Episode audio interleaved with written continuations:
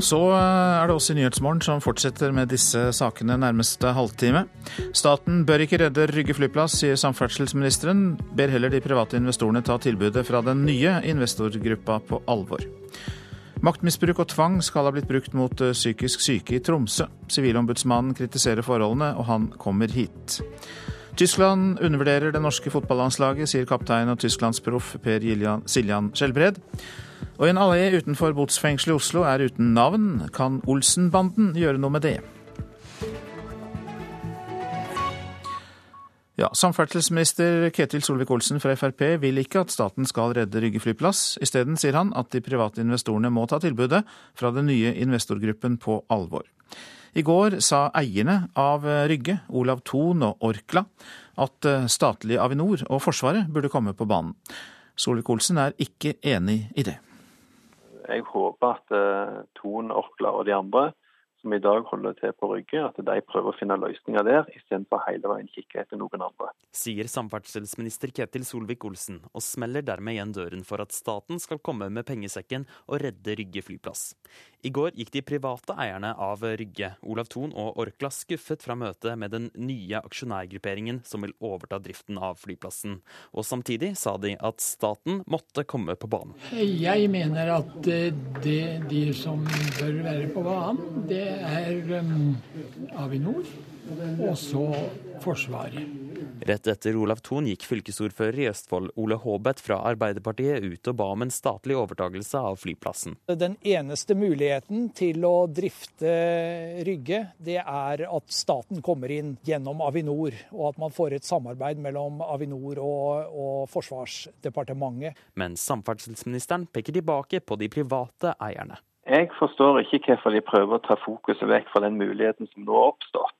Jeg syns det er litt rart at når en privat aktørgruppe kommer og sier at de har kapital, de har visjoner, så vil dagens aktører på Rygge se vekk fra det og heller se på staten.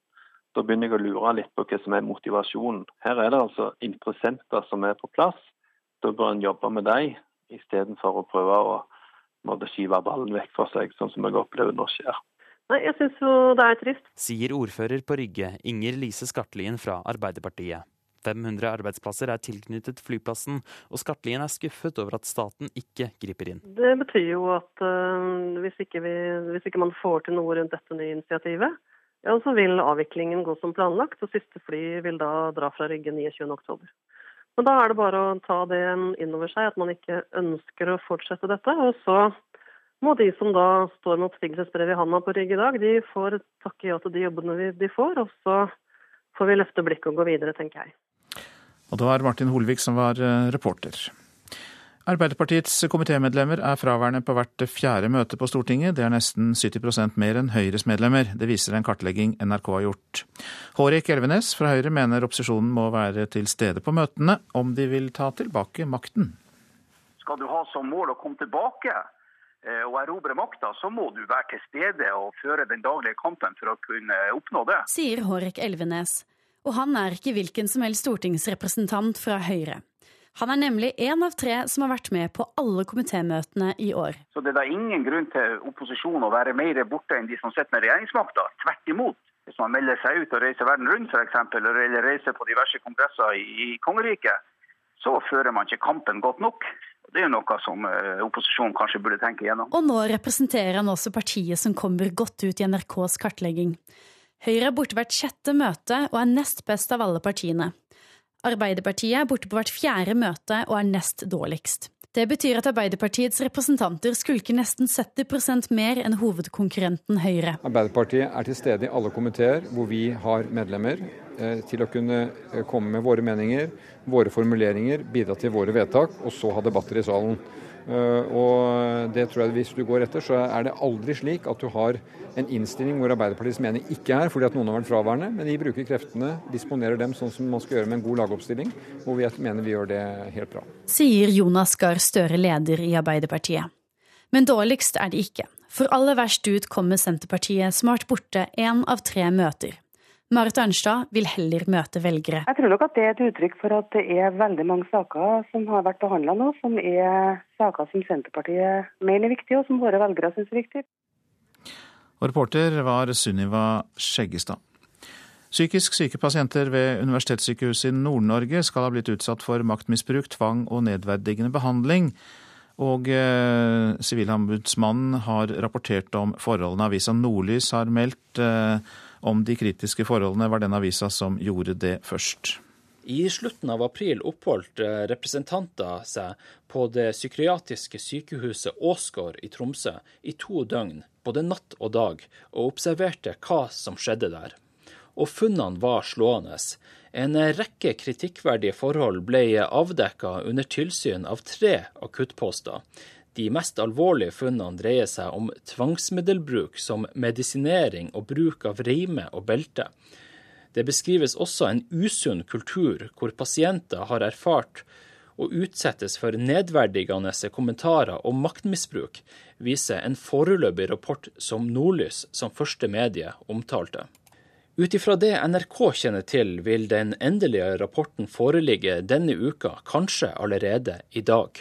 Åsgård er en del av Universitetssykehuset Nord-Norge. I 2015 valgte akuttpostene ved sykehuset å beltelegge pasienter i reime eller bruke andre fysiske tvangsmidler 163 ganger. Tilsynsenheten oppsummerer med at den er svært bekymra for situasjonen ved sykehuset, og Universitetssykehuset Nord-Norge innrømmer svikt. Ledelsen og styret hevder samtidig at de er fullstendig uvitende om de graverende forholdene som er avslørt. Til NRK sier administrerende direktør Tor Ingebrigtsen at sykehuset starter et arbeid for å følge opp rapporten. Det sa reporter Eirik Hinn eh, Sveen. Og eh, siden sykehuset altså ikke er til stede her, så understreker vi at de sier de skal følge opp rapporten. Men sivilombudsmann Åge Thor Falkanger er her, velkommen. Takk for det. Ja, Dere har altså besøkt denne psykiatriske avdelingen ved Universitetssykehuset i eh, Nord-Norge. Se litt mer om alvoret i de forholdene dere fant. Ja, Det vi særlig fant, var at i deler av virksomheten hadde oppstått en uheldig kultur når det gjaldt, eh, gjaldt eh, makt- eller tvangsbruk. Det gjaldt dels eh, omfanget av tvang, men også den makten som ble brukt ved gjennomføringen av tvangen. Og vi peker på, at, på ledelsens ansvar for å ta tak i dette. Og etablere rutiner også for rapportering av tvang, og også der det oppstår personskader. Hvordan reagerte sykehusets ledelse på, på det? Eh, sykehusets ledelse har reagert ved å si at de tar tak i saken nå. Men eh, er dette noe du frykter kan være tilfellet også ved andre sykehus i Norge, ikke bare i eh, Tromsø? Det vet vi ikke foreløpig. Vi har foreløpig bare gjennomført eller Vi har nå i denne rapporten uttalt oss om sykehuset i Tromsø, og så får vi ta andre steder senere. Mm. Si litt mer om hvilke rutiner som bør endres for at psykiatriske pasienter skal eh, få bedre levekår ved sykehuset? Ja, særlig at eh, når man da utøver tvang, så må det fattes et ordentlig vedtak, og det må begrunnes. Og, eh, men man må ha rutiner for å rapportere pasientskader. Og de tallene man da får frem gjennom dette, bør brukes aktivt av sykehuset for å styre virksomheten, med tanke da på å redusere tvangen så mye som mulig. Hvilke ringvirkninger kan det få på et sykehus dersom eh, man fortsetter med den type dårlige rutiner eh, blant de ansatte? Nei, den ringvirkningen det får, er at det simpelthen den uheldige praksisen fortsetter. Og det er ikke bra. Når det gjelder eh, andre prosjekter dere har, eh, er det tilsvarende prosjekter på gang? Er det kommet klager fra andre steder i Norge som dere skal følge opp? Eh, når det gjelder denne tilsyns- eller forebyggingsvirksomheten, så baserer vi oss ikke på klager. Vi velger selv ut institusjoner som vi besøker, og det gjør vi jevnlig. Det gjelder fengsler, det gjelder arrester, og det gjelder alle steder hvor folk er fratatt friheten sin. Er det slik at den rapporten fra dere kommer i dag, den komplette rapporten? Den er kommet i dag. Takk skal du ha, Åge Thor Falkanger, som altså orienterte oss om eh, problemene ved den psykiatriske avdelingen ved Universitetssykehuset i eh, Nord-Norge, og at de da lover å følge opp det som er blitt påpekt av Sivilombudsmannen. Takk skal du ha. Dette er eh, Nyhetsmorgen, og klokka den nærmer seg 6.43. Dette er hovedsaker. Halvparten av alle asylsøkere som kom til Norge i fjor, kan ende med å bli returnert til hjemlandet. Det anslår Utlendingsdirektoratet. Staten bør ikke redde Rygge flyplass, sier samferdselsministeren. Han ber heller de private investorene ta tilbudet fra den nye investorgruppen på alvor. Det er et høyere fravær fra Arbeiderpartiets komitémedlemmer på Stortinget enn fra Høyres medlemmer. Det viser NRK-kartlegging. Nå til eh, sportens verden. Tyskland undervurderer det norske fotballandslaget foran VMs eh, kvalifiseringskamp på søndag. Det mener Hertha Berlin-spiller og landslagskaptein Per Siljan Skjelbred, som har fått eh, slengbemerkninger både fra spillere og media i Tyskland. Men det må vi utnytte, sier han. Tror jeg også de tar litt lett på oppgaven. Jeg har fått litt presse om det, var litt presse noen uker her som var, og de jeg lurer på hva vi skal gjøre rett og slett for å, å møte Tyskland. Hvordan, eh, om vi tenker å forsvare oss eller eh, ja, de er veldig eh, De tror jo sjøl at det blir en veldig lett kamp. og På, på papiret så kanskje det kan være det òg, men vi vet jo også at vi kan gjøre det vanskelig for dem. Og det har vært veldig artig å gjøre det. Ja, altså Tysk presse levner Norge ingen sjanser? Ja, det vil jeg si. 99,9 at de vinner. Og mens en del av de norske spillerne er i bra eliteserieform, er kanskje de tyske stjernene med Müller og Schweinsteiger og co. kanskje litt smårustne etter sommerferien. Derfor er det et perfekt tidspunkt å møte dem på, sier landslagskaptein, som selv sliter med noen småskader. Nei, Toppsjef, altså Det er vanskelig å si. Det kan være fordeler og ulemper å ikke ha trent så mye og så lenge. Eh, men flesteparten av laget har jo vært med i oppkjøringa nå eh, og er forberedt på kamp. Eh, men det er tidlig. Det, rytmen kanskje ikke stemmer helt. Kroppen kanskje ikke helt i 100. Det har vært en lang oppkjøring for mange, og for min egen del òg. Det har vært knalltøft, som alltid i Tyskland. Så det handler om å, å gønne på fra start. Det handler om å vinne nærduellene og lage et helvete for dem, rett og slett. Og interessen foran kampen mot Norge er stor i Tyskland, sier landslagskapteinen. De er jo interessert, de er veldig glad i Norge og landet Norge, men eh, fotballen vet de ingenting om. Så eh, de, eh, det har vært litt sånn småhåning, i hvert fall fra lagkompiser, og også fra presse. Så det gjør det kicker jo at det har vært jævla kult å ha gjort en god kamp mot dem. For det jeg tror veldig mange som kommer til å se på. Og reporter var Pål Thomassen. Avisene nå. Minst 15 terrorangrep er blitt avverket i Europa i fjor og hittil i år, forteller Aftenposten. Et av de største angrepene skulle vært mot utelivet i den tyske byen Düsseldorf. Men så fikk en av terroristene kalde føtter og meldte ifra til politiet. De fleste angrepene som ble avverget, var planlagt i Frankrike. Norge feirer fredsavtalen for Colombia, men i fjor kuttet regjeringen bevilgningene til fredsarbeid med 265 millioner kroner, skriver Dagsavisen. Norges fredsrolle kunne vært eh, vanskeligere om kuttene til fred og forsoning hadde kommet før, sier professor Benedicte Bull ved Universitetet i Oslo. Heller enn budsjettets størrelse er det snakk om prioritering og kontaktskapende arbeid. Det svarer Høyres statssekretær Tone Hatrem. Statoil planlegger å kutte 250 årsverk, mesteparten knyttet til helse, miljø og sikkerhet, får vi vite i Dagens Næringsliv. Kuttene kommer i tillegg til nylig annonserte kutt av 600 arbeidsplasser på norsk sokkel. Vi skal likevel skape en bedre sikkerhetsorganisasjon og bedre resultater. Det bedyrer Statoil-sjef Eldar Sætre. VG skriver i dag om bakgrunnen for drapstragedien i Kirkenes, der en mor og hennes sønn ble drept natt til mandag, mens Dagbladet omtaler nye politimetoder som kunne ha bidratt til etterforskningen av drapet på Kristin Juel Johannessen i Larvik i 1999. Trondheim taper flere hundre millioner kroner på turistnæringen, sier Scandic-direktør eh, Svein Arild Steen Mevold til Adresseavisen. Hotellbelegget i helgene er nede på 58% i gjennomsnitt. Et godt stykke bak både Oslo, Bergen og Tromsø, sier hotelldirektøren. Kulturskolen i Bergen vil si opp elever som ikke viser nok framgang, får vi vite i Bergenstidene. Dersom pianoskoleelevene ikke har god nok progresjon, kan de risikere å miste kulturskoleplassen. Det kan være bra, selv om mange blir stresset av det, sier en av elevene, Sofia Alexandra Frogodakis. Spiller seg til ekte venner på nett, er oppslaget i Vårt Land om 22 år gamle Cecilie Ofstad, som sier hun har hatt eh, dype samtaler med nettvenner truffet gjennom dataspill. Ja, det er en fin arena, men kan ikke erstatte et møte ansikt til ansikt, sier forsker og medieviter Maren Agdestein. Nå skal vi høre at havbruk frister elever. På Strand videregående skole på Tau i Rogaland har eh, rekordmange søkt, for det skyldes at havbruksutdanningen er flyttet dit.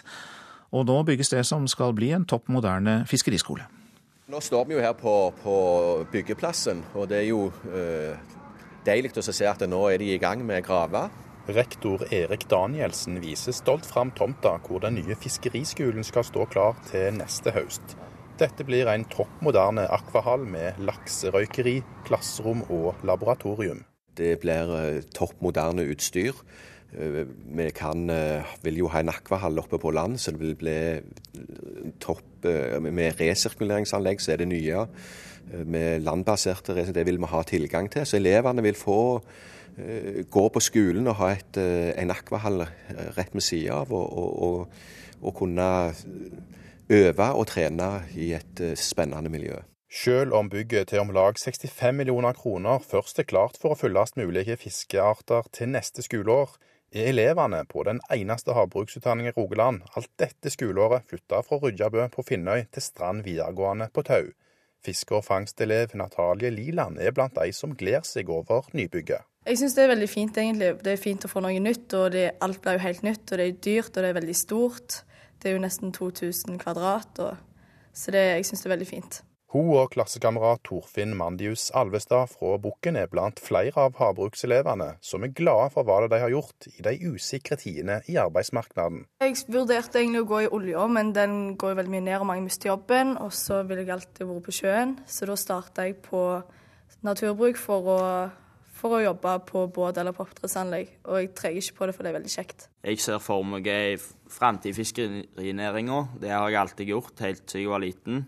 Eh, jeg er født inn i det når far min eier en båt på industritråler ute i Nordsjøen. Jeg ser fram til å bli ferdig med skolen og komme meg ut, prøve litt forskjellig før jeg går inn i bedriften til far min. Her ute altså kommer hallen blir liggende ut forbi uh, hovedskolen. Og rektor Danielsen er blant flere som ser lyst på framtida til de som velger utdanning innen fiske og oppdrett. Vi ser at uh, olja har gjerne stagnert litt. og Havbruk kan bli enda viktigere for Rogaland enn det det har vært. Og det tror vi. Så dette kan være et veldig viktig bidrag til det. Blir havbruk den nye olja? Det tror jeg nok ikke det blir på, på samme måte, men det vil få veldig stor betydning for sysselsetting og verdiskapningen i hele landet. Men elevene de er sikre. Havbruk blir den nye olja. Ja, jeg er veldig sikker på det, egentlig, fordi at olja går så mye ned, og havbruk er jo Norges nye næring. Sånn som de snakker om både akvakultur og med disse gode prisene som nå iallfall, så ser det jo ut som det blir kjempegreier. Jeg tror akvakultur kommer til å bli den nye primærnæringa til Norge til slutt, hvis olja fortsetter sånn som hun går nå iallfall. Og du har uh, reporter Magnus Stokka som besøkte uh, Strand videregående skole på Tau i uh, Rogaland. Partene er blitt enige om en løsning i meklingen for de private barnehagene. Dermed blir det ikke barnehagestreik fra i dag. 112 barnehager landet over hadde blitt rammet av streik. Pensjon var stridens kjerne, forteller forhandlingsleder Mette Henriksen Aas i Fagforbundet. Pensjon er jo, er jo vanskelig. Men det vanskeligste for oss da, det var at vi må jo se til at alle våre medlemmer innenfor eh, dette området får en like god eh, pensjonsordning. Og det har de ikke akkurat i dag. Men eh, vi har sett til at vi får det på sikt. Og i tillegg til det så fikk vi et oppgjør som eh, følger hva skal jeg si, oppgjøret i KS, slik at vi kan følge med på lønnsutviklingen til de ansatte i de kommunale barnehagene. Hvor nær en streik var dere? Når Fagforbundet møter, så møter vi med det for øye at vi skal klare å komme fram til en løsning. Men jeg for min del eh, tror nok at eh, jeg aldri har vært så nær en streik som vi var denne gangen. Fagforbundets Mette Henriksen Aas til reporter Elise Heisel Asbjørnsen. Regionteatrene ruller ut sine tilbud i disse dager. Teatret Innlandet skal ut på veiene i Hedmark og Oppland med et årsbudsjett på 33 millioner kroner. Men det får de nok ikke tilbake i billettinntekter på småstedene de skal besøke i sin grisgrendte region. Ta med kuet ditt. Bra, aller først må vi skaffe mat. Prøven er i gang på Teater Innlandets storsatsing i høst. En nyskrevet historie om Robin Hood. De tror stykket blir en publikumsvinner, men likevel kommer de ikke til å tjene noe særlig penger. Vi har et uh, turnébudsjett på godt over en million. Sånn at uh, det å tro at vi skal kunne klare å spille inn dette i billettinntekter, det klarer vi ikke. Sier teatersjef Janne Langås. Som alle regionteater lever de hovedsakelig på offentlige penger. I 2015 fikk de til sammen 33 millioner fra staten og Hedmark og Oppland fylker. Disse pengene går ikke i lomma mi. Fordi oppdraget til regionteatra er å bringe teater ut til folket. For Teater Innlandet betyr det at de hovedsakelig er ute på veien og innom alle de 48 kommunene de dekker. Der havner skattebetalernes penger, sier Langås. Når vi f.eks. Eh, stopper i Otta, så er det 13 mennesker som skal bo på et hotell. De skal spise. Vi har leid bil for å reise dit. Vi kjøper bensin der.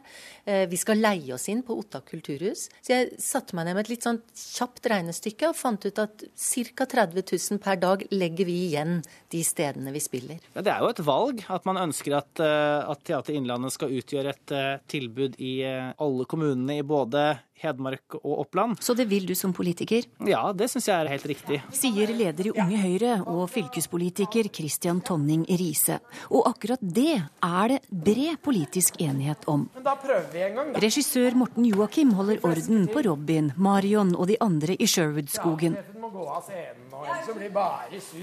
Men det lokale publikummet er vanskeligere å styre. I snitt hadde teatret 86 besøkende på forestillingene sine i 2015, og billettinntektene utgjorde kun 8% av de totale inntektene. Ja, men jeg syns ikke det er så dårlig besøk når du tenker på at dette er landbruksområder som ikke er vant til å se på teater som underholdning. Det er klart det er en utfordring, og de har vel bare tre steder som kan regnes som en slags byer. Det er Gjøvik, Lillehammer og Hamar. Sier Ida Lo Larsen, mangeårig teaterkritiker, og kanskje den som har fulgt Teater Innlandet tettest. Og jeg mener at Teater Innlandet har gjort det de kunne nettopp for å bringe både klassikere og mer moderne oppsetninger ut til sitt publikum. Torbjørn Dyrud fra Østre Toten har komponert musikken til Robin Hood. Dette var et veldig artig oppdrag å få. En av mange lokale kunstnere som får sin del av de offentlige teatermillionene. Det er, det er første gang, og det er veldig moro, for det er noe jeg har hatt lyst til å drive med i mange år. Og det er disse ringvirkninga i hele regionen teatersjefen mener er viktig. Sjøl om hun ville ha tjent mer penger ved å holde seg til scenene i byene Hamar, Lillehammer og Gjøvik. Ja, vi hadde helt klart tjent mer penger. Og hvis vi ser på de andre regionteaterne som vi bør sammenligne oss med, så gjør de det i større grad enn oss. Men jeg syns ikke det er det vi skal. Vi skal ut der hvor folk bor. Men eh, hva med høyrepolitikeren? Er han fornøyd med det billettsalget teatret kan vise til? Ikke man bruker ordet fornøyd. Jeg mener at eh, Teater Innlandet gjør en god jobb, men det bør jo være et, eh, et mål om, om vekst. Reportasjen var laget av Torunn Myhre. Mange har gode minner om Egon, Benny, Kjell og Valborg. I filmene om Olsenbanden går sjefen sjøl ut gjennom den karakteristiske grønne porten i Botsfengselet i Oslo. Men uh, alleen fra fengselsmuren nedover til grønlandsleiret har ikke noe navn, og det kan det bli endret på nå. Har du sett en Olsenbanden-film, har du nok sett scenen hvor Egon Olsen går ut av porten på botsfengselet og blir møtt av en vinkende velkomstkomité. Men den kjente alleen som går fra fengselsmuren og ned til grønlandsleir i Oslo, har ikke noe navn. Det ønsker bystyrerepresentant fra Fremskrittspartiet Petter N. Myhre å gjøre noe med. Han vil døpe veien Egon Olsens allé. Jeg syns den bør hete det, fordi at alle forbinder jo denne alleen med Egon Olsen, som kommer gående ut fra eh, Botsen. Og ikke minst, nå er det jo tre år, så fyller Olsenbandens første film 50 år. Og det må jo feires. Planen er at dette området skal bli mer tilgjengelig for folk flest. Fengselet der Egon vandret ut og ble møtt av Benny og Kjell, kan bli stengt allerede neste år fordi det er for dyrt å rehabilitere. I framtiden kan det bli hotell og restauranter isteden. Olsenbanden er jo norgeshistoriens suverent mest vellykkede filmprosjekt. 14 filmer på, på 30 år. Og så er jo dette området nå i forvandling og skal eh, bli et attraktivt boligområde i Oslo. Og da kan vi pynte litt på det med å hedre Olsen-banden for å ha gitt eh, hele det norske folk så utrolig mange gleder. Et navneforslag må behandles av bydelen, og det kan jo høres ut som om leder av bydelsutvalget i Gamle Oslo, Line Oma Steine, syns ideen er ganske så genial. Syns det er et veldig spennende forslag. Vi ønsker jo at dette området skal brukes av folk som bor her. Og da er det veldig bra med et navn som klinger godt, og alle forbinder denne alleen med Egon Olsen. Men det er en ganske god sjanse for at det blir Egon Olsens allé nedover her? Jeg tror at det kan være gode muligheter for det. Reporter Kaja Figenschou. Værvarselet. Østafjells mye pent vær, men i fjellet blir det regn i vestlige fjellstrøk. På kysten og i fjellet sørvestlig periodevis liten kuling. Vestlandet og Trøndelag ser vi samlet. Det blir regn, men unntaket er Rogaland, der det blir lite eller ingen nedbør. På kysten av Vestlandet sør for Stad sør eller sørvest til dels liten kuling. Og fra Stad og nordover til Frøya stiv eller sterk kuling. Nordland regn og regnbyger i dag, men på kvelden lettere vær. Troms og Finnmark sørvest liten kuling på kysten av Vest-Finnmark først på dagen. Regnbyger, men lite nedbør på vidda og i Øst-Finnmark. Så var det Spitsbergen. Det blir oppholdsvær, men det kommer litt spredt snø lengst nord først på dagen. Og på kvelden litt regn lengst sør på Spitsbergen. Og temperaturer har vi også fått inn, målt klokka fem i natt. Svalbard lufthavn to grader, Kirkenes sju, Vardø åtte, Alta sju. Tromsø-Langnes sju. Bodø, Brønnøysund og Trondheim alle med 10 grader. Molde 11, Bergen 12, Stavanger 13, Kristiansand, Kjevik 12. Så var det Gardermoen med 6, Lillehammer 9, Røros 3 og Oslo-Blindern hadde 9 grader. Og etter klokka sju så skal du få høre litt mer om hva overføringer til i Havala-systemet er for noe.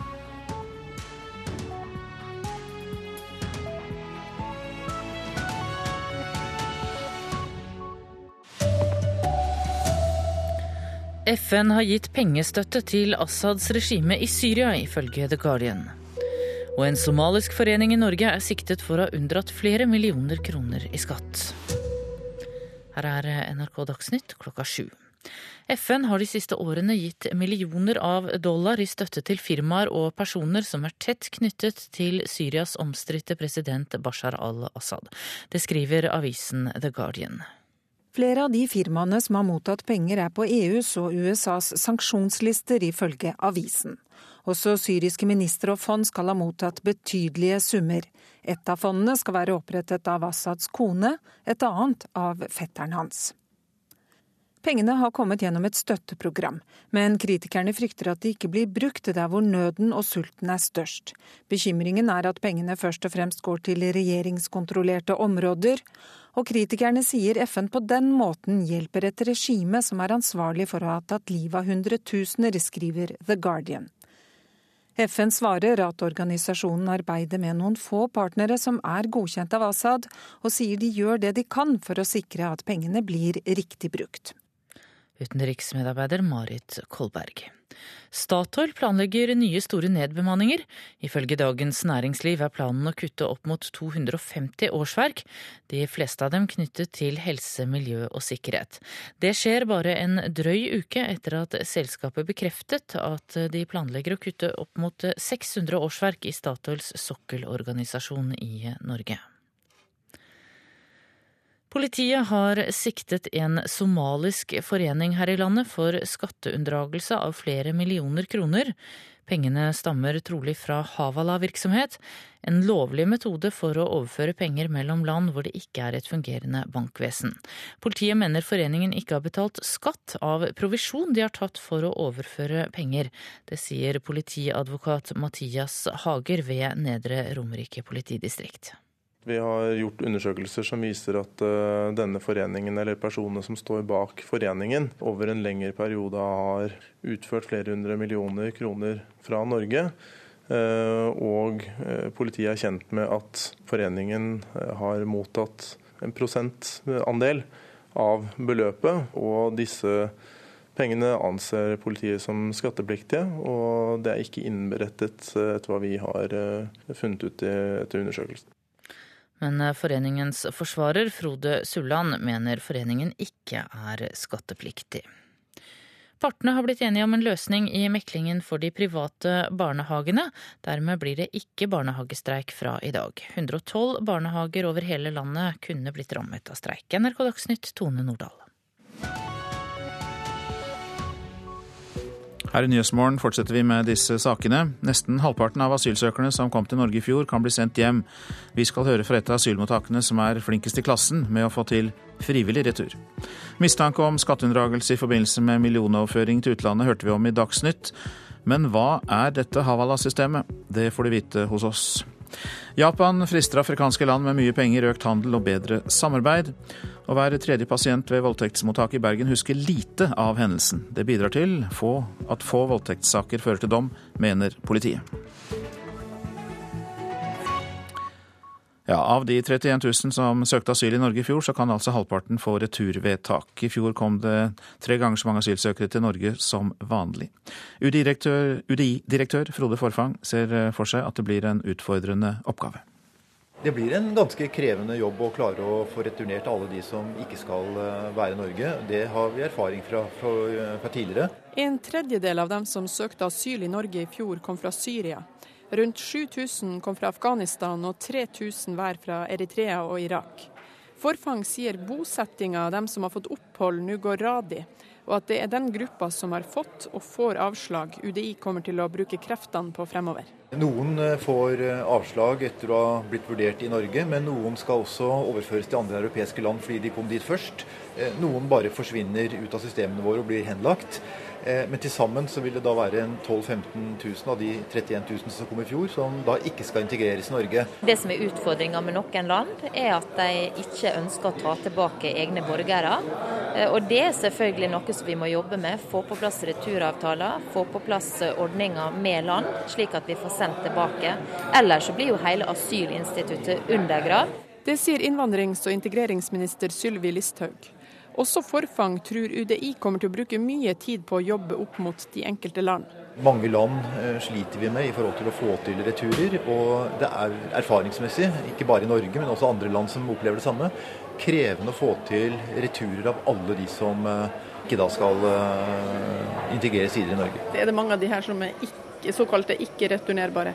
I, I, den betydningen at det er en del som er vanskelig å tvangsreturnere. Eh, alle er returnerbare i den forstand at hvis de eh, medvirker til retur, så, så vil enhver kunne returnere. Men vi vet av erfaring at mange ikke eh, medvirker. og eh, da er vi også avhengig av eh, forholdet til eh, de landene de kommer fra, og, og det er ofte krevende. Dem som returnerer frivillig, er det UDI som har ansvaret for. Deretter kobles Politiets utlendingsenhet inn. PU-sjef Morten Hohjem Ervik sier det er veldig ulikt hvor lett det er å returnere asylsøkere med avslag. Noen land eh, har vi et eh, godt samarbeid med og, har eh, relativt høye returer, mens i andre land så kan dette arbeidet være mer omstendelig.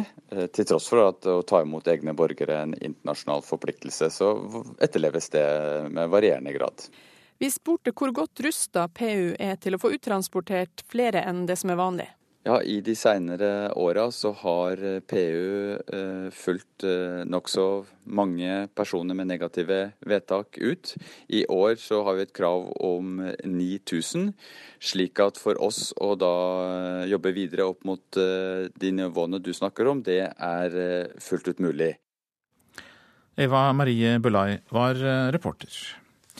Et av mottakene som har lykkes med frivillige returer, er Oscarsgata statlige mottak i Vadsø, som står for 28% av alle frivillige returer. Og mottaket hadde også nylig besøk av innvandrings- og integreringsminister Sylvi Listhaug. Returrådgiver og nestleder Hilde Meyer, god morgen til deg. God morgen. Eh, hvorfor er det så mange frivillige returer fra dere? Vi har jo eh, vært så heldige å få lov å være med i et prosjekt, et returprosjekt siden 2011 eh, som heter Veien videre. Det går på, Vi bruker en metode som heter eh, motiverende intervju, altså endringsfokusert veiledning. Vi har fått ressurser hos UDI for å, å gjøre det arbeidet her. Og det går på at vi bygger opp tillit, møter beboerne med respekt, ektehet og empati og kjører det her i prosess. og Vi tvinger ingen, eller prøver å overtale noen til å reise tilbake. Eh, vi bruker denne veiledningsmetoden for å få beboerne til å reflektere over sitt liv eh, etter at de har fått eh, avslag. Og gjerne kanskje forberede deg før de får avslag også. og gjennom denne prosessen så, så foretar de valgene sine da. Og, og, som dere har snakka om tidligere, så er det mange som, som velger å returnere frivillig til, eh, til hjemlandet sitt. Ja, du snakket om endringsfokusert veiledning. Hva slags endring er det? Ja, Det er jo ofte sånn at, eh, at de som har sittet med avslag, og gjerne de som har sittet med avslag over flere år, ofte har vanskeligheter for å komme seg ut av de, de, de tankene som de, eh, som de, sitter med, med, gjerne med at de husker det som var vanskelig. Kanskje noen uh, egentlig har en annen identitet enn det de har oppgitt, som de syns er vanskelig å prate om. Og, og, og, så, og, så, jobber vi for å endre det fokuset da, uh, ved å stille en del spørsmål rundt f.eks. Hva som er positivt i hjemlandet, stille spørsmål for å få dem til å se på muligheter i hjemlandet sitt. Se på muligheter istedenfor hindringer og det som er vanskelig. Dere føler ikke at dere lurer dem litt, da? For at de kom jo hit for å få et bedre liv, og så prøver dere av alle krefter å overbevise dem om at de ikke skal bli her? Nei, jeg må presisere at vi prøver aldri å overbevise noen, og, og jeg tror at det er det som er nøkkelen. At, at Eh, at vi er empatiske og opptrer ekte. Eh, for det er det vi gjør, og, og det er det som er nøkkelen vår. Vi sitter aldri og overtar noen på noen måte. Vi har til og med, til og med stoppa noen og bedt dem om å tenke seg litt om. Vi har jo også eh, vi har jo folk fra alle land som, som søker om å få reise frivillig. Eh, også fra Syria. Eh, og Det er en utfordring, fordi at sånn som det er nå, så hjelper ikke mm, myndighetene folk eh, på noen måte tilbake til Syria, ikke med flybillett engang. Og det har vi sett, men, men, de klarer å reise tilbake på egen hånd fordi at de har familie igjen som har det vanskelig. Til slutt, uh, det er noen som likevel ikke vil returnere. Hva sier dere til dem som absolutt ikke vil? Nei, Vi realitetsorienterer dem jo Eh, selvfølgelig om konsekvensene i forhold til eh, hva som kan skje da at politiet kan komme og, og tvangsreturnere dem. Jeg har, jo, jeg har, jo, lyst til å bare si som avslutningsvis at det er utrolig viktig å ha hele personalet med i det arbeidet på mottaket. Og I tillegg så har vi jo eh, samarbeidspartnere i lokalsamfunnet som også er med på, på returarbeidet. Og de her gode, gode hjelperne som vi også har invitert på møter og forklare måten vi jobber på sånn at det ikke blir skapt falske forhåpninger hos beboerne. Takk skal du ha, returrådgiver og nestleder Hilde Meyer ved Oscarsgata statlige mottak i eh, Vadsø. Og så er Lilla Sølhusvik kommet i studio, programleder for Politisk kvarter om en drøy halvtime, og miljø og budsjett blir tema. Ja, for i dag og i morgen så samles alle 17 statsråder på statsministerens kontor for å diskutere budsjettet for 2017. De skal få sammen et budsjett som både Høyre og Fremskrittspartiet håper å vinne velgere på til neste høst. Men samtidig så står særlig Venstre på sida og sier at dette må bli tidenes grønneste budsjett. Hvis ikke prikk, prikk, prikk.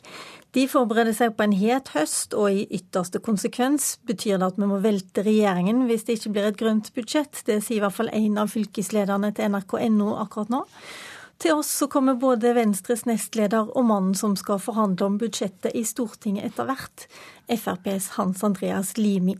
Og så kommer også to veldig spente kommentatorer som forbereder seg på en spennende høst. Det er Politisk kvarter klokka 7.45. Politiet har siktet en forening som driver med pengeoverføringer til utlandet for skatteunndragelse. Pengene stammer trolig fra Havala-virksomhet. Det er en lovlig metode for å overføre penger mellom land hvor det ikke er et fungerende bankvesen. Men tolletaten ved Oslo lufthavn stoppet i fjor en overføring av 11 millioner kroner fra Norge til Storbritannia, selv om forsendelsen var deklarert på lovlig måte. Oslo lufthavn. 580 millioner kroner i kontanter ble deklarert her i fjor. De aller fleste beløpene under 100 000 kroner. Da den somaliske foreningen gjennom et fraktselskap ville deklarere 11 millioner kroner, stilte tolletaten spørsmål. I hovedsak så var det summen. Det var en veldig stor sum på over 11 millioner norske kroner i kontanter.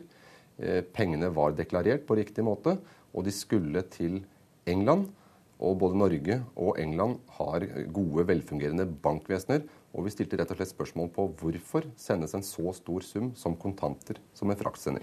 Sier Tor Fredriksen, seksjonssjef ved grensekontrollavdelingen til tolletaten på Gardermoen. Det er uvanlig å ta med seg så store kontantbeløp ut av landet, sier han. Jeg har aldri vært borti den så store summer før. Vi har vært oppe i millioner men ikke 11 millioner. 22 kilo med kontanter, sedler pakket i rød transportkasse. Foreningen har drevet med hawala-virksomhet, en lovlig tjeneste for å overføre penger mellom land som ikke har fungerende bankvesen.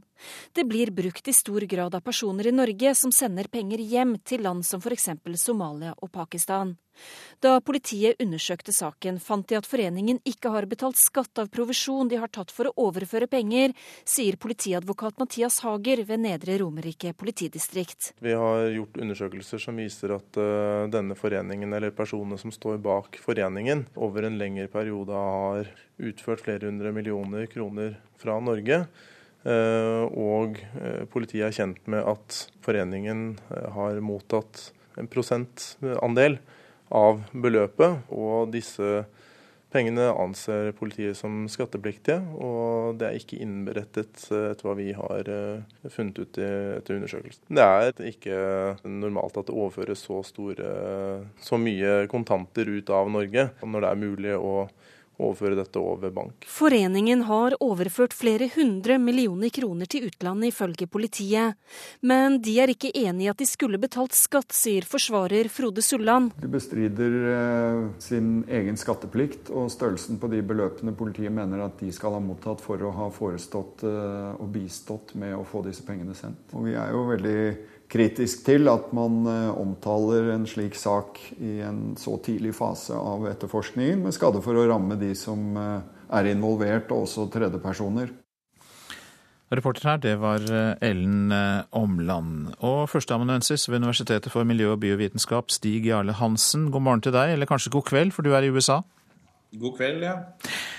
Du er altså i ved Harvard-universitetet for tiden. Du har forsket mye på miljøer på Afrikas Horn og i Midtøsten. og Fortell oss hvordan dette uformelle overføringssystemet for penger eh, fungerer.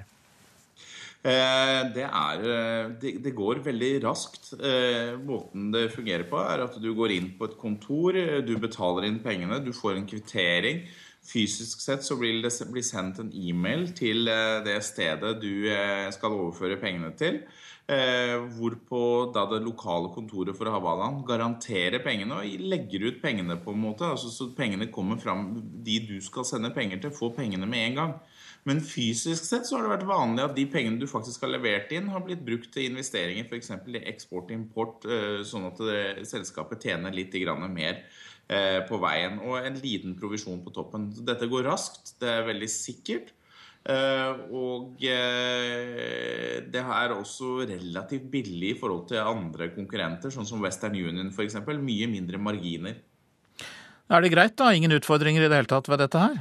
Masse utfordringer her. Eh, fordi eh, det er eh, en finansvirksomhet veldig ofte med veldig liten sikkerhet. Så det er veldig liten sikkerhetskapital som ligger til grunnen. Altså det er et krav om en grunnkapital som ligger der, som har, som, som har blitt innført. Men en del av aktørene har ikke den grunnkapitalen. Og det er allikevel en form for bankvirksomhet som har mindre sikkerhetskapital enn det en vanlig bank har. Og så er det sånn at Dette bygde seg opp på siden av det norske finanssystemet. Så det har vært eh, vansker med å standardisere. Det har vært en eh, avstand til Norge som stat. Og, og litt grann sånne eh, problemer i forhold til dette her med transparens. Så det har jo tidligere vært beskyldt for å drive eh, Altså være et redskap f.eks. For, for terrorfinansiering. Dette, de beskyldningene har kommet eh, flere ganger. Men det har mest av alt ikke vært fordi at eh, det er vanskelig å holde kontroll på pengesummene. Det er vanskelig å få disse selskapene til å gjennomføre en, et papirmønster, et papirspor. Eh, med kvitteringer osv. For det, det er en viss uformalitet over det. Så det er papirsporet, og det at man må søke om konsesjon, og det at man har lite penger som sikkerhet i, i tilfelle noe går galt, som er problemet med, med dette her. Til slutt, Stig Arle Hansen. Skal vi forby det, eller skal vi kontrollere det bedre? Jeg syns det, det, må kontrolleres bedre. Det er en, et ganske effektivt finansielt redskap som mange bruker til å sende penger som går til ganske viktige ting i hjemlandene sine. Så saken her er å standardisere, kontrollere og skape trygghet mellom de forskjellige aktørene. Men jeg kan jo ikke uttale meg om denne saken her eh, spesielt, for den saken kjenner jeg rett og slett ikke godt nok. Takk skal du ha, Stig Jarle Hansen, førsteamanuensis ved Universitetet for miljø- og biovitenskap, og for tiden ved Harvard eh, på USAs østkyst. Dette er Nyhetsmorgen. Klokka passerte 7.18. Vi har disse hovedsakene. Halvparten av alle asylsøkere som kom til Norge i fjor, kan ende med å bli returnert til hjemlandet. Det anslår Utlendingsdirektoratet. FN har det siste året gitt millioner av dollar i støtte til firmaer og personer som er tett knyttet til Syrias omstridte president Bashar al-Assad. Det skriver avisa The Guardian. Partene er blitt enige om en løsning i meklingen for de private barnehagene. Dermed blir det ikke barnehagestreik fra i dag. Det var 112 barnehager det eventuelt gjaldt, men streik blir det ikke. Mye penger, økt handel og bedre samarbeid, ja det er hva Japan lovet afrikanske ledere med Sør-Afrikas Zuma og Mugabe fra Zimbabwe i spissen. Den store Tokyo-konferansen snakker vi om, om afrikansk utvikling, utvikling avsluttet i Nairobi. Japans statsminister Shinzo Abe åpnet pengesekken allerede på gigantmøtets første dag.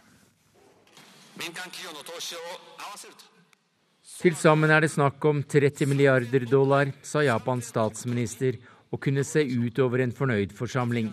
280 milliarder kroner er mange penger, selv om de skal fordeles over store deler av kontinentet i løpet av tre år, og det er de private som skal ta seg av to tredjedeler av investeringene. I salen satt 22 afrikanske presidenter og en håndfull statsministre og håpet så inderlig at det var deres land som skulle få nyte godt av satsingen på helse, utdanning, landbruk, teknologi, handel og særlig infrastruktur. Noen hadde nok hørt det før. På et tilsvarende møte ble omtrent de samme summene lovet over en femårsperiode. Statsministeren mente selv at 70% nå er i omløp av denne summen. Forskjellen i satsingsområdene er hjelp til å bekjempe terror og øke mulighetene til kvinner og ungdom.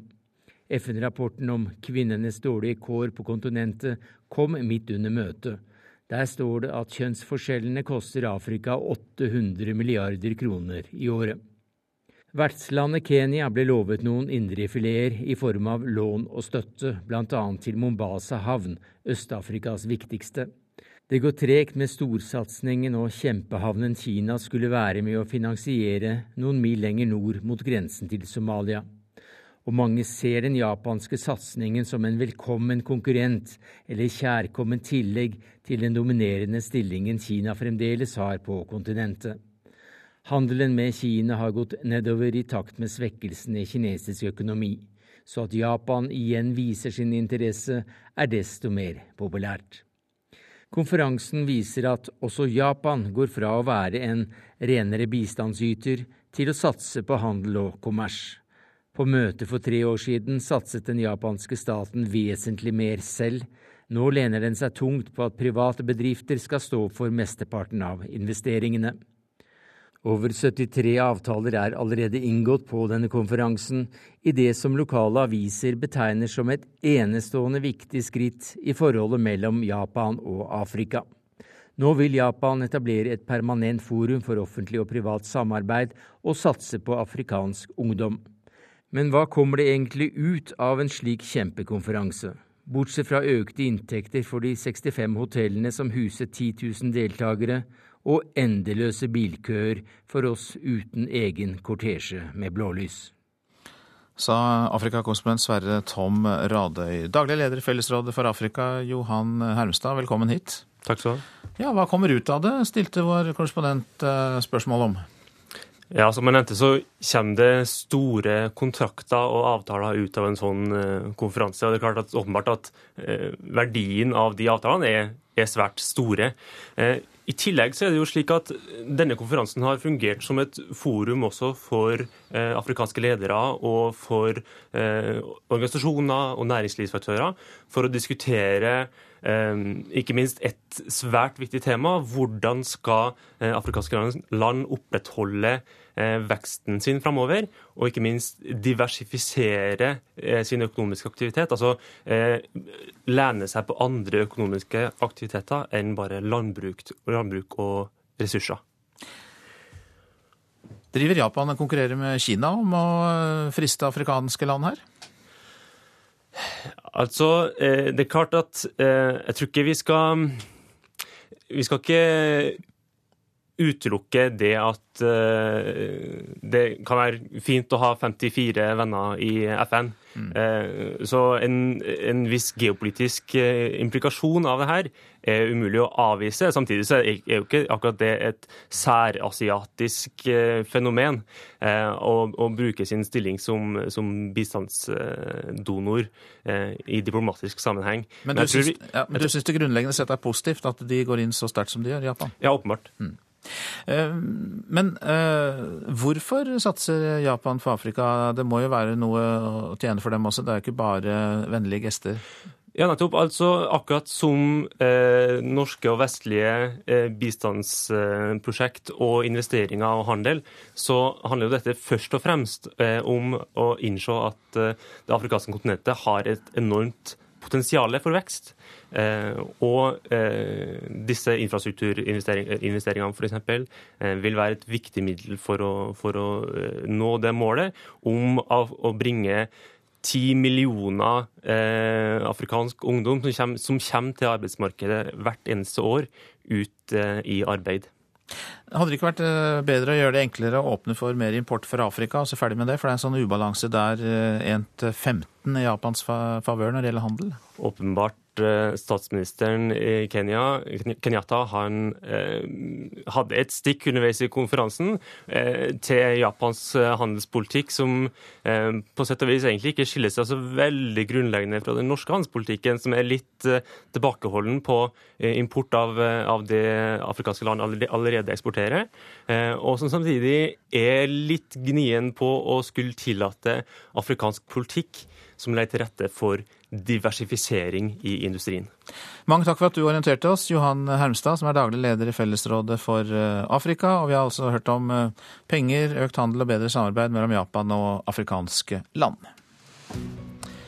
Så skal jeg ta for meg avisen her hjemme, da. Og det er minst 15 terrorangrep som er blitt avverget i Europa i fjor og hittil i år forteller Aftenposten.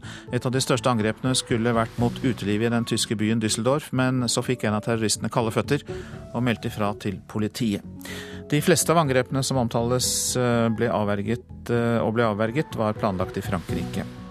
Norge feirer fredsavtalen for Colombia, men i fjor kuttet regjeringen bevilgningene til fredsarbeid med 265 millioner kroner, skriver Dagsavisen. Norges fredsrolle kunne vært vanskeligere om kuttene til fred og forsoning hadde kommet før, sier professor Benedicte Bull ved Universitetet i Oslo. Heller enn budsjettets størrelse er det snakk om prioritering og kontaktskapende arbeid, sier Høyres statssekretær Tone Hatrem.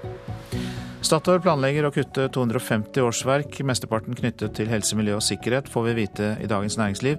De kommer i tillegg til nylig annonserte kutt av 600 arbeidsplasser på norsk sokkel. Vi skal likevel skape en bedre sikkerhetsorganisasjon og bedre resultater, sier Statoil-sjef Eldar Setre. VG skriver om bakgrunnen for drapstragedien i Kirkenes, der en mor og hennes sønn ble drept natt til mandag mens Dagbladet omtaler nye politimetoder som kunne ha bidratt til etterforskningen av drapet på Kristin Julianesen i Larvik 1999. Trondheim taper flere hundre millioner kroner på turistnæringen, sier Scandic-direktør Svein Arild Steen Mevold til Adresseavisen. Hotellbelegget i byen i helgene er nede på 58% i snitt, og det er et godt stykke bak både Oslo, Bergen og Tromsø. Kulturskolen i Bergen vil si opp elever som ikke viser nok framgang, får vi vite i Bergens Tidende.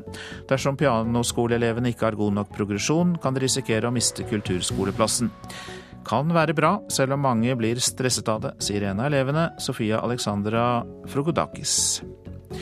Spiller seg til ekte venner på nett, er oppslaget i Vårt Land om 22 år gamle Cecilie Ofstad, som sier hun har hatt dype samtaler med nettvenner truffet gjennom dataspill.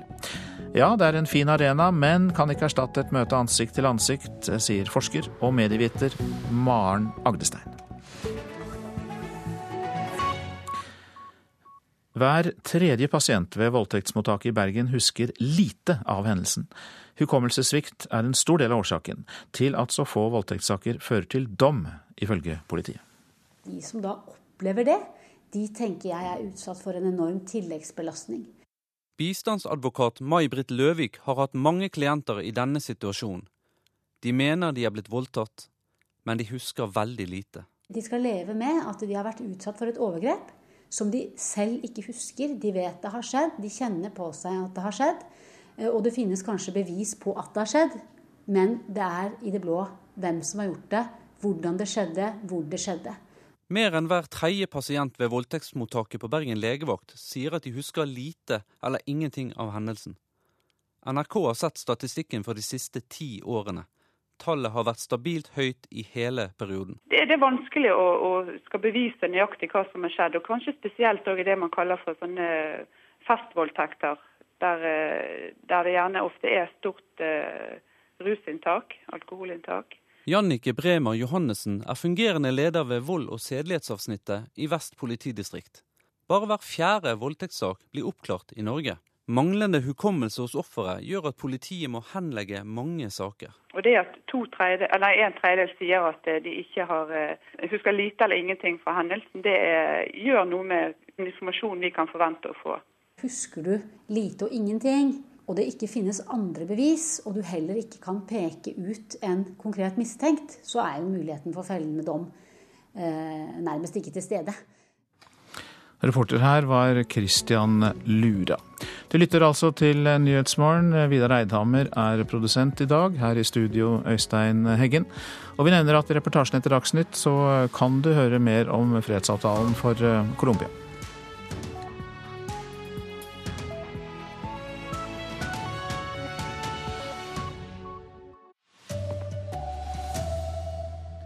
Halvparten av asylsøkerne som kom til Norge i fjor, kan bli sendt ut av landet.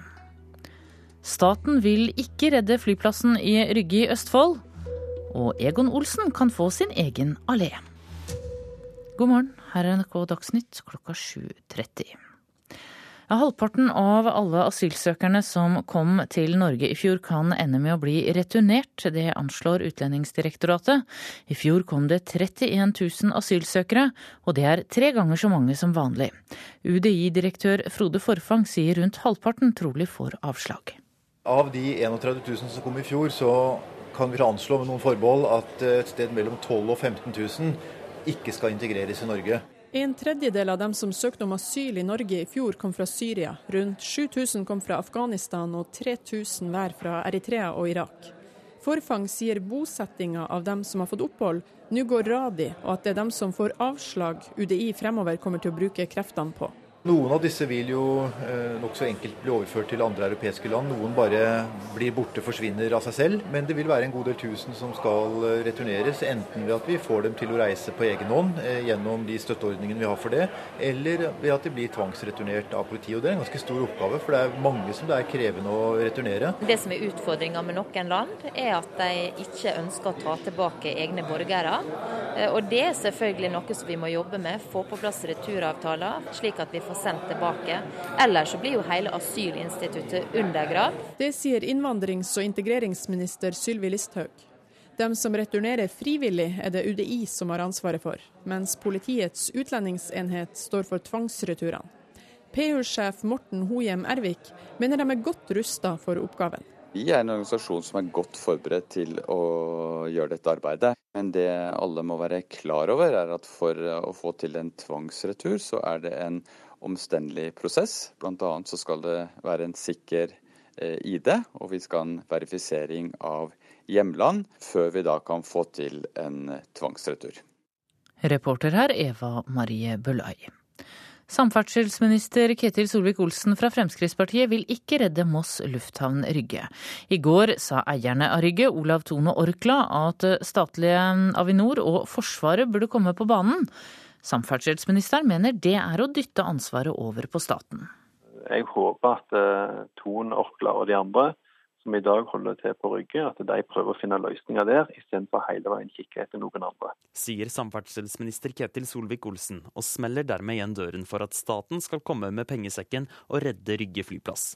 I går gikk de private eierne av Rygge, Olav Thon og Orkla, skuffet fra møtet med den nye aksjonærgrupperingen som vil overta driften av flyplassen. Og samtidig sa de at staten måtte komme på banen. Jeg mener at det, de som bør være på banen, det er um, Avinor og så Forsvaret. Rett etter Olav Thon gikk fylkesordfører i Østfold Ole Haabeth fra Arbeiderpartiet ut og ba om en statlig overtagelse av flyplassen. Den eneste muligheten til å drifte Rygge, det er at staten kommer inn gjennom Avinor, og at man får et samarbeid mellom Avinor og, og Forsvarsdepartementet. Men samferdselsministeren peker tilbake på de private eierne. Jeg forstår ikke hvorfor de prøver å ta fokuset vekk fra den muligheten som nå har oppstått. Jeg syns det er litt rart at når en privat aktørgruppe kommer og sier at de har kapital, de har visjoner, så vil dagens aktører på Rygge se vekk fra det og heller se på staten. Da begynner jeg å lure litt på hva som er motivasjonen. Her er det altså interessenter som er på plass. Da bør en jobbe med dem, istedenfor å prøve å skyve ballen vekk fra seg, sånn som jeg opplever nå skjer. Reporter Martin Holvik. Politiet har siktet en somalisk forening i Norge for skatteunndragelse av flere millioner kroner. Pengene stammer trolig fra Havala-virksomhet, en lovlig metode for å overføre penger mellom land der det ikke er et fungerende bankvesen. Tolletaten på Gardermoen stoppet 11 millioner kroner som ble deklarert og forsøkt sendt ut av landet med post. Det er uvanlig å ta med seg så mye kontanter, sier seksjonssjef Tor Fredriksen i Tolletaten. Det var en veldig stor sum på over 11 millioner norske kroner i kontanter. Pengene var deklarert på riktig måte, og de skulle til England. Og både Norge og England har gode, velfungerende bankvesener. Og vi stilte rett og slett spørsmål på hvorfor sendes en så stor sum som kontanter som en fraktsending. Sier Tor Fredriksen, seksjonssjef ved grensekontrollavdelingen til tolletaten på Gardermoen.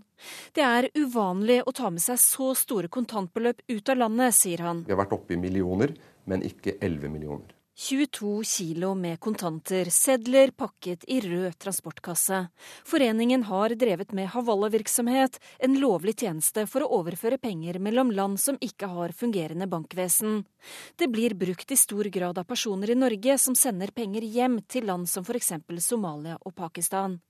Da politiet undersøkte saken, fant de at foreningen ikke har betalt skatt av provisjon de har tatt for å overføre penger, sier politiadvokat Mathias Hager ved Nedre Romerike politidistrikt. Denne foreningen eller personene som står bak foreningen, over en lengre periode har utført flere hundre millioner kroner fra Norge. Og eh, politiet er kjent med at foreningen eh, har mottatt en prosentandel av beløpet. Og disse pengene anser politiet som skattepliktige, og det er ikke innberettet etter hva vi har eh, funnet ut. Foreningen er ikke enig i at de skulle betalt skatt, sier forsvarer Frode Sulland.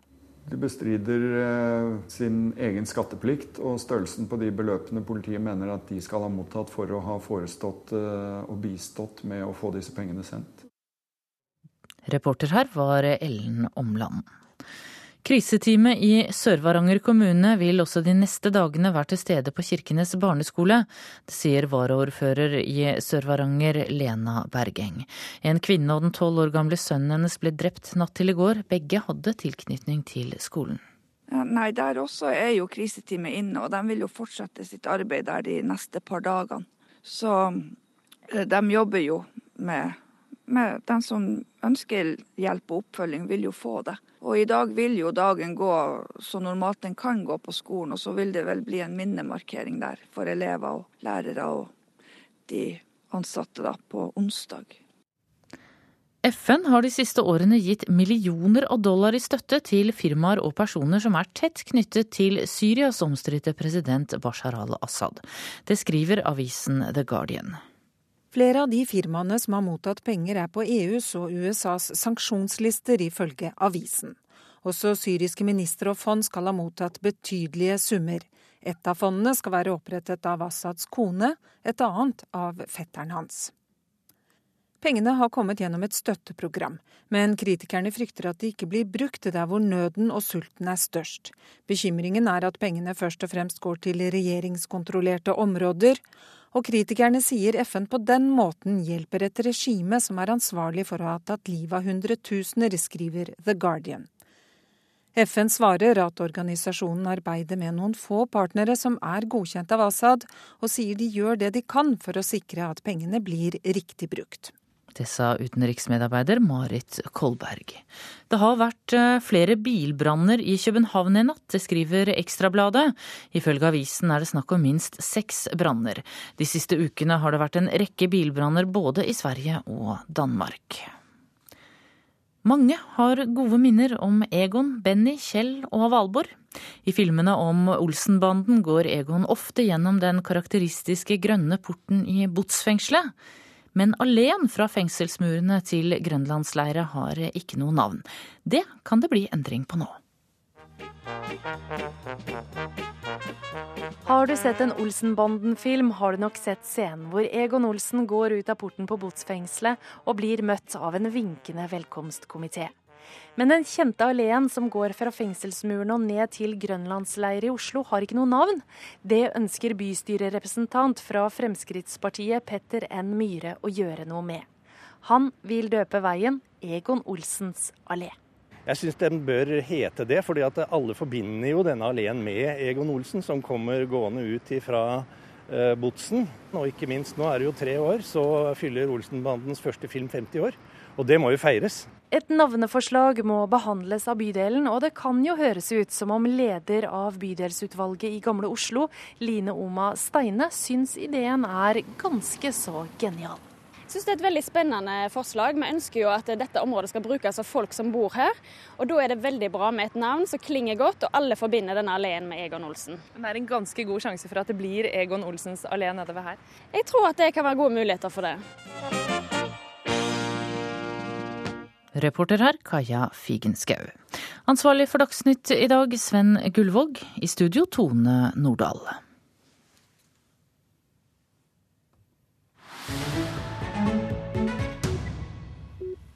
Og vi kan slå fast at du lytter til Nyhetsmorgen.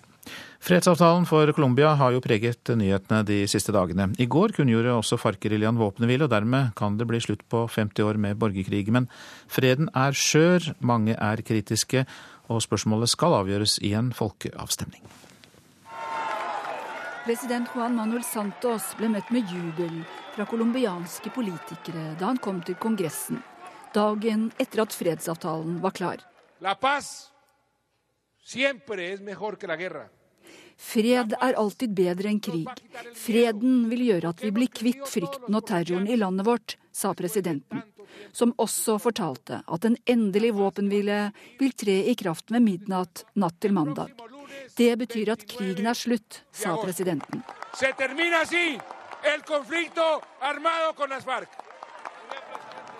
Mange av politikerne utenfor Kongressen var skilt hvor de oppfordrer folk til å stemme ja ved folkeavstemninga 2.10. De har støtte fra mange colombianere. Jeg har ventet på dette hele mitt liv, sier Maria Clara på gata i hovedstaden Bogotá. Men ikke alle er like begeistret for en fredsavtale med FARC-geriljaen. Tiden for den endelige utryddelsen av disse bandittene har kommet, sa tidligere president Alvaro Uribe i 2002. I sin presidentperiode prøvde han å knuse FARC militært, uten å lykkes. Han har hele tida vært imot å forhandle med geriljaen, som han ser på som terrorister. Uribe leder nå nei-kampanjen foran folkeavstemninga. Jeg støtter avtalen, men jeg er ikke enig i at de gir politiske posisjoner til geriljaen uten at colombianerne har stemt på dem ved valg, sier Jorge Canon. Han viser til avtalen der FARC sikret seg en del plasser i parlamentet, inntil de kan stille til valg i 2018. Et annet svært kontroversielt punkt er at FARC-medlemmer som innrømmer forbrytelser, slipper fengselsstraff. Selv om det ikke skal gjelde for de mest alvorlige forbrytelsene, som drap og voldtekter, er det som en rød klut for mange. Men sjefsforhandleren for myndighetene ber innstendig folk møte opp til folkeavstemninga og stemme ja. Dette er et avgjørende øyeblikk for Colombia. Det er bare to veier framover, sier Umberto de la Calle, og sikter til at det ene er fred, det andre er videre krig. De siste meningsmålingene viser et klart ja-flertall, men seinest for et par uker siden viste en meningsmåling nei-flertall. Det er over 50 år siden FARC-geriljaen erklærte krig mot myndighetene i landet. Krigen har kostet 220 000 menneskeliv. Og nærmere sju millioner mennesker er drevet på flukt.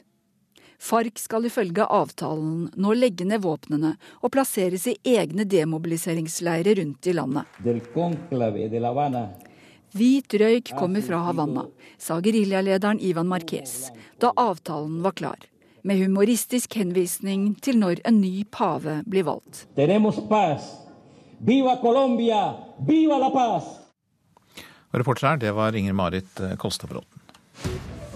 Dette er Nyhetsmorgen, og vi har disse hovedsakene. Halvparten av alle asylsøkere som kom til Norge i fjor, kan ende med å bli returnert til hjemlandet. Det anslår Utlendingsdirektoratet.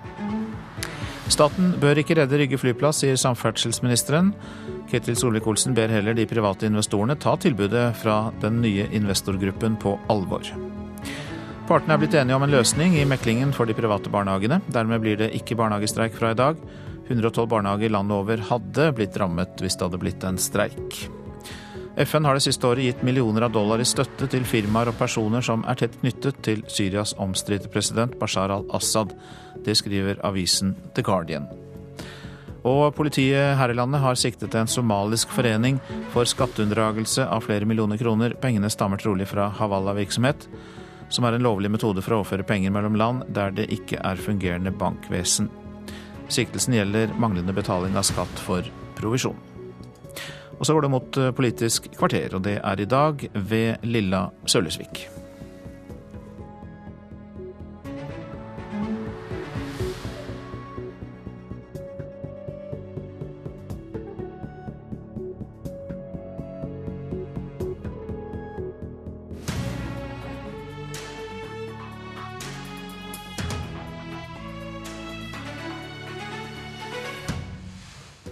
Høstens blå-blå budsjettforslag må bli tidenes grønneste. Det krever samarbeidspartner Venstre. Og skal det bli grønt, så må prisen på bensin og diesel opp. Men det vil ikke Frp, for da taper de velgerne. I dag og i morgen møtes regjeringen for å legge siste hånd på budsjettet for 2017. Venstre vil ha tidenes grønneste budsjett, det er gjentatt og gjentatt. Men etter mer enn et halvt år med forhandlinger mellom regjering og samarbeidspartiene, så har ingen tilsynelatende klart å bli enige om hva det grønne skiftet egentlig skal bety. Og nestleder Terje Breivik i Venstre, du har vært med i disse forhandlingene. Hva, hva, hvordan kan du måle at vi nå skal få tidenes grønneste budsjett? Bakgrunnen for at Venstre, Venstre virkelig eh, kjører tungt på denne saken, er jo at klimakrisen kan og må løses. Tidsvinduene begynner å bli trangere og trangere. Vi har veldig lite tid til å miste. Eh, og Det suverent tyngste verktøyet vi har til rådvelde politisk, er å bruke markedskreftene. Og, og, som både jeg og regjeringen vet, så han forsterker alt det spennende som skjer i regi av norsk næringsliv, norsk industri bidra til, til grønne markeder eh, og gjøre det billigere og enkelt å velge klimavennlig hverdagen for folk flest. Eh, så i så måte er jo... Og helt eh, konkret, hva betyr det? Nei, Det betyr jo å bruke skatter og avgifter aktivt. Sette ned prisen, altså nivået på det vi vil ha mer av. Klimavennlige valg i, i hverdagen. Eh, bruker dette aktivt for å lage grønne marknader, eh, sånn at norsk næringsliv får en heimemarknad og utvikler teknologi som igjen skal øke konkurransekraften internasjonalt. Eh, og sette opp skatter og avgifter på det du vil ha mindre av utslipp. Både for å forsterke effekten av skatte- og avgiftslettene på klimavennlige valg, men òg for å skaffe oss penger til å finansiere skatte- og avgiftsletten på de samme, samme tingene. Og da For å gå rett inn i hverdagen til folk flest, så er spørsmålet om vi går mot dyrere bensin og diesel. Og Det var faktisk et spørsmål jeg stilte til både Trine Skei Grande og Siv Jensen under Arendalsuka for eh, ja, halvannen uke siden. er det vel nå. De svarte med to dagers mellomrom, men det var åpenbart at de ikke var helt samsnakka her. Bare hør først på Trine Skei Grande. Det som Siv Jensen har signert på, var den merknaden som vi laga i forrige budsjett. Ja, det vet om at det kommer i neste budsjett. Om bensin- og dieselavgiften skal gå opp, rett og slett. Ja, men det har, det har, Siv Jensen signert på i det forrige budsjettet. At vi skulle ha sektorvise økninger av avgifter. Så hvordan vi innfaser det, nå er det vi diskuterer. Men det er en, en avtale vi gjorde i forrige budsjett. Så hvis ikke det blir høyere drivstoffavgifter her i landet, så bør denne regjeringen gå av? Hvis det ikke blir høyere drivstoff, så burde de ha tenkt på det når de signerte på at det skulle bli i forrige budsjett. Hvordan blir det for partiet til bekjempelse av skatter og avgifter å gå med på høyere bensin- og dieselavgift?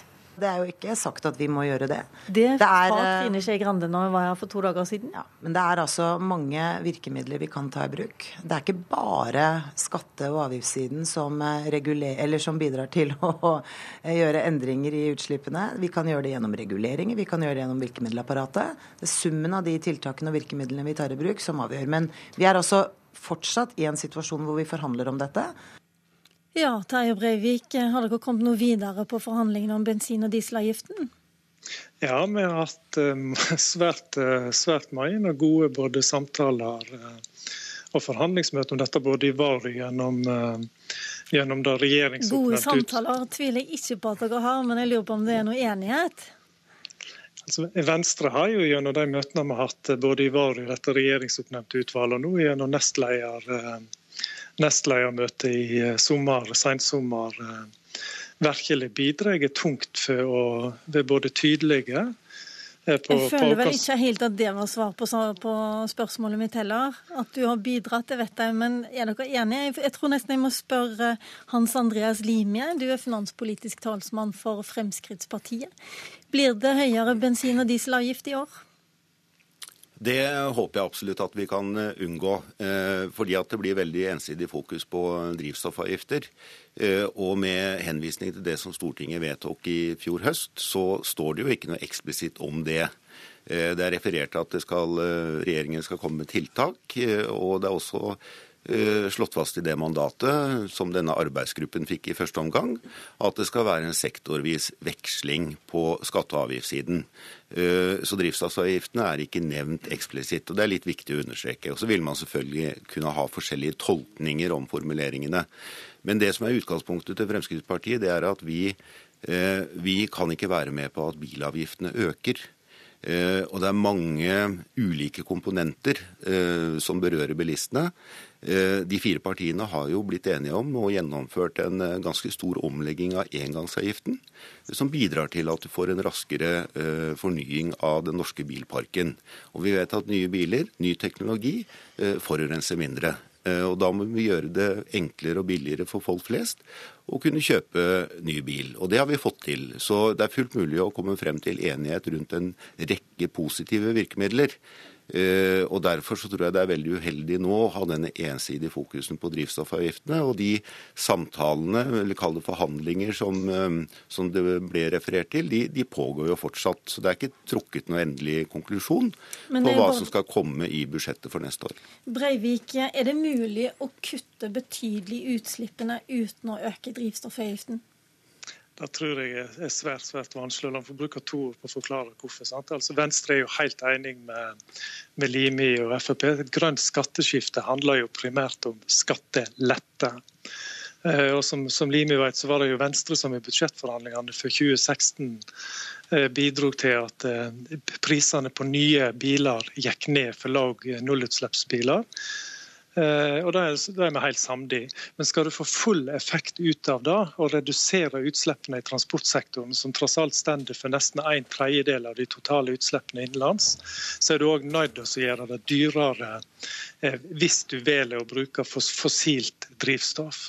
Og Merinntektene som du får inn på å øke prisen på fossilt drivstoff, enten det skjer gjennom bensin-dieselavgifter og eller øke CO2-avgift, bruker vi jo da i sin helskap til å redusere prisen på alternativ. Både på nye biler, men òg på alternativt drivstoff. Eh, Venstre og, regjeringspartiene KrF har jo fjerna, fjerna veibruksavgift, altså nå avgifter på biodiesel. Nå snakker vi mest om hva som skal skje i denne høsten.